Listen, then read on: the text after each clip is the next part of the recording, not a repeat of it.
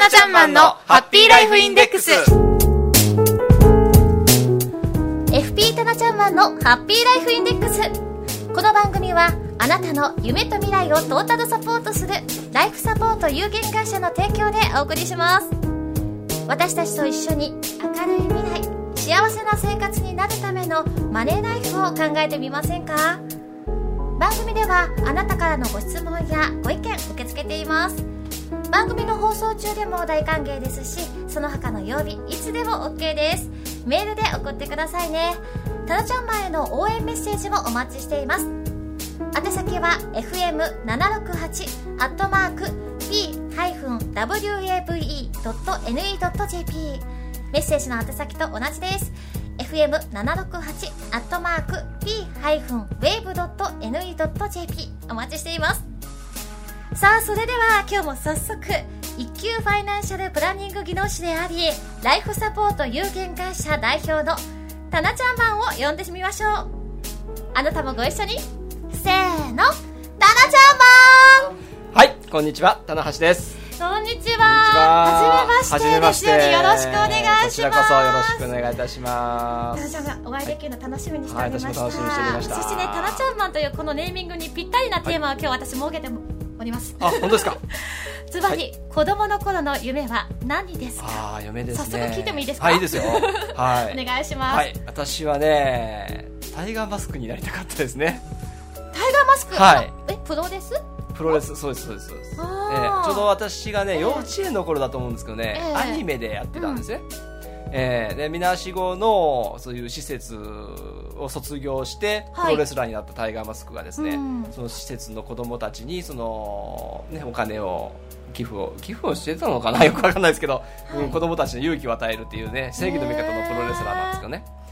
ええそうなんだかっこいいなみたいなね。やっぱりこうあの正義の味方系なんですねそうですね。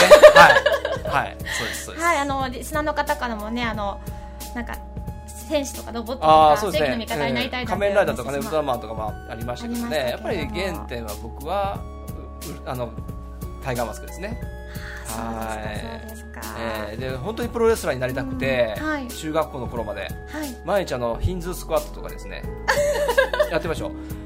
えー腕立て伏せ50回、ええ。ー腹筋を100回、はい。えーヒンズースクワット300回はい。をワンセットにして、はい。5セットやってましたからねかなり過酷なスケジュールですよね、ええそうですそうですよ。あだからきっと今もスリムでいらっしゃるんですねありがとうございます、はい、ダンディーなタナちゃん。マンでございます。ぜひ見に来てくだあさい。れちょっと照れちゃいましたけど。はい。早速なんですけれども、今日はあの第まあちねちなみさんとは初めてということでね、えーということで、えーそのファイナンシャルプランナーで今日ねあのたまたま本当に打ち合わせしたわけではなく、今日のテーマが小さい頃の夢そうなんんなですよね。です。はい。でそのファイナンシャルプランナーとしてのタナちゃんマンは、はい。夢の実現応援隊なんですよ、夢の実現応援隊。はい、の隊長なんですよ。隊長。はい本当に今日ですかぴったりかなみたいな感じでそうですね。初めてのキーンって感じですよね。はい。ということで、ファイナンシャルプランナーはね、あのまあ、今までね、聞いていただいた方はね、あのお分かりの方もいらっしゃると思いますけれども、まあ、どういう仕事をしているのか、あんまりね、この番組通じてお話ししたことがそういえばなかったのかぜなと。ひ教えてください。ね、2年半経ってようやく初めてファイナンシャルプランナーの仕事の説明かよっていう感じなんですが、はい、今ちょっと初心に戻ってね。ね、えーさせていただこうかなと思ってます、はいでファイナンシャルプランナーっていうとですねあの一般の方にはほとんどの方がですね、えー保険屋さんとかですね、えー証券会社の人っていうイメージが多いと思うんですけれども、はい。まあ、もちろんそれもねファイナンシャルプランナーの業務の一つではあるんですが、えー生命保険あるいはその、ねえー株式だとかの証券だけではなくてお金全般ですね家計全般的なあー、まあ、ホームドクターというんですかね。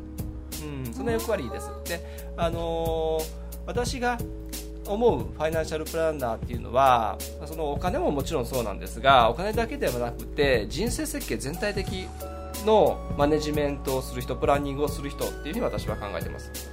すごい枠が広がるわけなんですね。そうですね。うんはい。で、いつどういう時期にどんなね、あの出来事があるからそれに備えて、えー、どういう運用をした方がいいですよとか、えー、もし万一、えー、こういうとこう、ね、こういうことが起きた時のためにこういった備えはした方がいいですよとかそういったですね全体的なプランニングそれがファイナンシャルプランナーの基本的な業務なのかな。そこにあの、まあ、生命保険であったりとか資産運用である株式運用だとかね投資信託であるとかあの最近ではまあ FX とかですね。わかりますか？FX って。実はですね、はい、あまり分かっておりません。もう本当になんか今はてなマークがポンポンポンポンポンポンポン。ゆくゆくはやっぱり私もね家族を持つとお母さんになると思うので、そういったものもね分かっていかないといけないんだろうなと思うんです。ね、なんせまだ一人みんなでなんかこう、もしかしたらまだ私には関係ないことかなと思っているところがあるので、今からじっくり勉強してやっていきたいと思います。はい。例えばですね、じゃあ、ちなみさんが、はい。今のあの今ですね。今現在の夢ってありますか、はい、将来こうなりたいとかこんな生活をしたいという夢ですね。今現在の夢はですね、はい、あの本当に言っちゃっていいんですか、はい、あの自分のバルーンのお店を持つことが夢ですね。はい。それちっちゃくてもいいんですけれども、はい、い。ついつ頃持ちたいなとかありますか？もう近々もう早いうちに。それはいつ頃ですか、ね、来年来年ぐらいには持ちたいですね。じゃあその来年にそのお店を持とうと思ったら、はい、えー、今何をすべきなのか。ですね。で、えやっぱりお金もかかりますからそのための資金はいくら必要なのか、ね、その資金の使い道ですねオープンするときに何に必要なのか店を、ね、あのテナントでお借りするのも必要ですし、はい、バルーンの、ね、在庫を仕入れるための費用も必要ですしそれがいくらどういう、ね、いるのか。でそのために今どういう準備をしなくちゃいけないのかっていうプランニングをするのがファイナンシャルプランナー。こういうふうに思っていただければいいと思います。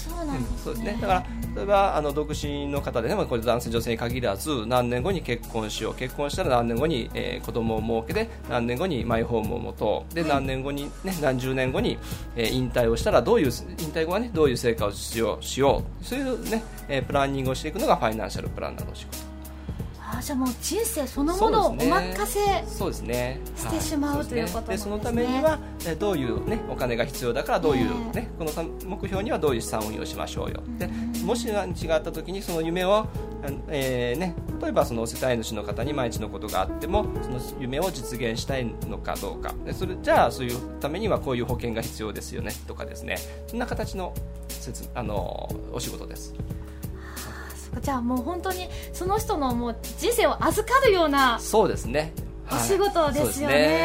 はい、重大なお仕事なんですね。でね。はい。でもそれだからこそやっぱりこう信頼できるそうですね、ファイナンシャルプランナーの方を選ばないといけないということですね。であのファイナンシャルプランナーって一口に言いましても、はい、あのいろんなあのやっぱりファイナンシャルプランナーってたくさん資格ありますよねって質問もねやっぱりたくさんいただきます。はい、で実はファイナンシャルプランナーっていう資格は日本ファイナンシャルプランナーズ協会えー、略して、ね、通称ね日本 FP 協会って言ってますけれども、はい、日本 FP 協会が認定認定した人だけをファイナンシャルプランナーと呼んでますあやっぱり責任のある仕事なので認定された方じゃないと、そうですね。で、はいはい、で、あの一級とか三級とかありますよね。一級、二級、三級という資格もあるんですけれども、これは実はファイナンシャルプランナーとは言わずに、ファイナンシャルプランニング技能士っていう資格なんですね。また違う資格なんですよ。まあ、関連資格ではあるんですけどね、はい、でそのファイナンシャルプランニング技能士1級という形で私紹介されていらしいただいてますけれども、はい、もちろん1級ではあります、はい、えー、こちらは国家資格なんですね、でえー、そのファイナンシャルプランナーというのはあ実は FP 協会認定した AFP というのと CFP と2つの資格があります、はい。でえー、AFP というのがですね、まあ、A と C とあればどちらが難しいと思いますか、うん、単純に勘でいいですええ、あそうですね、っていう方がやっぱ多いんですよ。実は CFP が難しいです ね。はい。Z まであるとかじゃないですね。A と C しかないんですけどね、はい、で A の方が、あのー、FP 協会が認定した FP で、はい、CFP というのは実は国際資格なんですね実は私 CFP なんですけれどもアメリカの、えー、FP の、えー、発祥の地であるアメリカにも登録がされています。ということで国際資格保有者ということでね、えー、CFP というのと1級ファイナンシャルプランニング技能書2つ持っているダブルライセンスとなっております、はい、はい、ですね。なんかもうすごい方と私今お話ししてるんですねまあ、ただシャーマンですけどね。夢の実現応援隊です、はい、どんなことでもやっぱりあの、ね、相談されるのでまたいろんなお話、そうですね、教えてくださいね、はい、今日はねあの私も初めて聞かさせてもらいました。ファイナンシャルプランニング技能士。このとは何ぞやということを教えていただきました、ねはい、ぜひねライフサポート有限会社のホームページもチェックしてみてください、はい、過去の放送分をお聞きいただけます。タナちゃんマンとね検索エンジンに入れてください。タナちゃんマンちゃんだけがひらがなですね、ね。はい、FM 四日市ポートウェーブのホームページのトップにもこの FP タナちゃんマンのハッピーライフインデックスの紹介コーナーがありますのでぜひこちらの方もチェックしてみてください。簡単にアクセスができるようになっています、はいタナちゃんマンが次に登場してくれる第4木曜日は、はい、心理カウンセラーとしてのタナちゃんマンが、心に関するお話をしてくれるんですよね、はい、お楽しみに。次の放送は第4木曜日4時40分からの放送です、はい、FP タナちゃんマンのハッピーライフインデックス。この番組はあなたの夢と未来をトータルサポートするライフサポート有限会社の提供でお送りしました。タナちゃんマン素敵なお話ありがとうございました、はい、ありがとうございます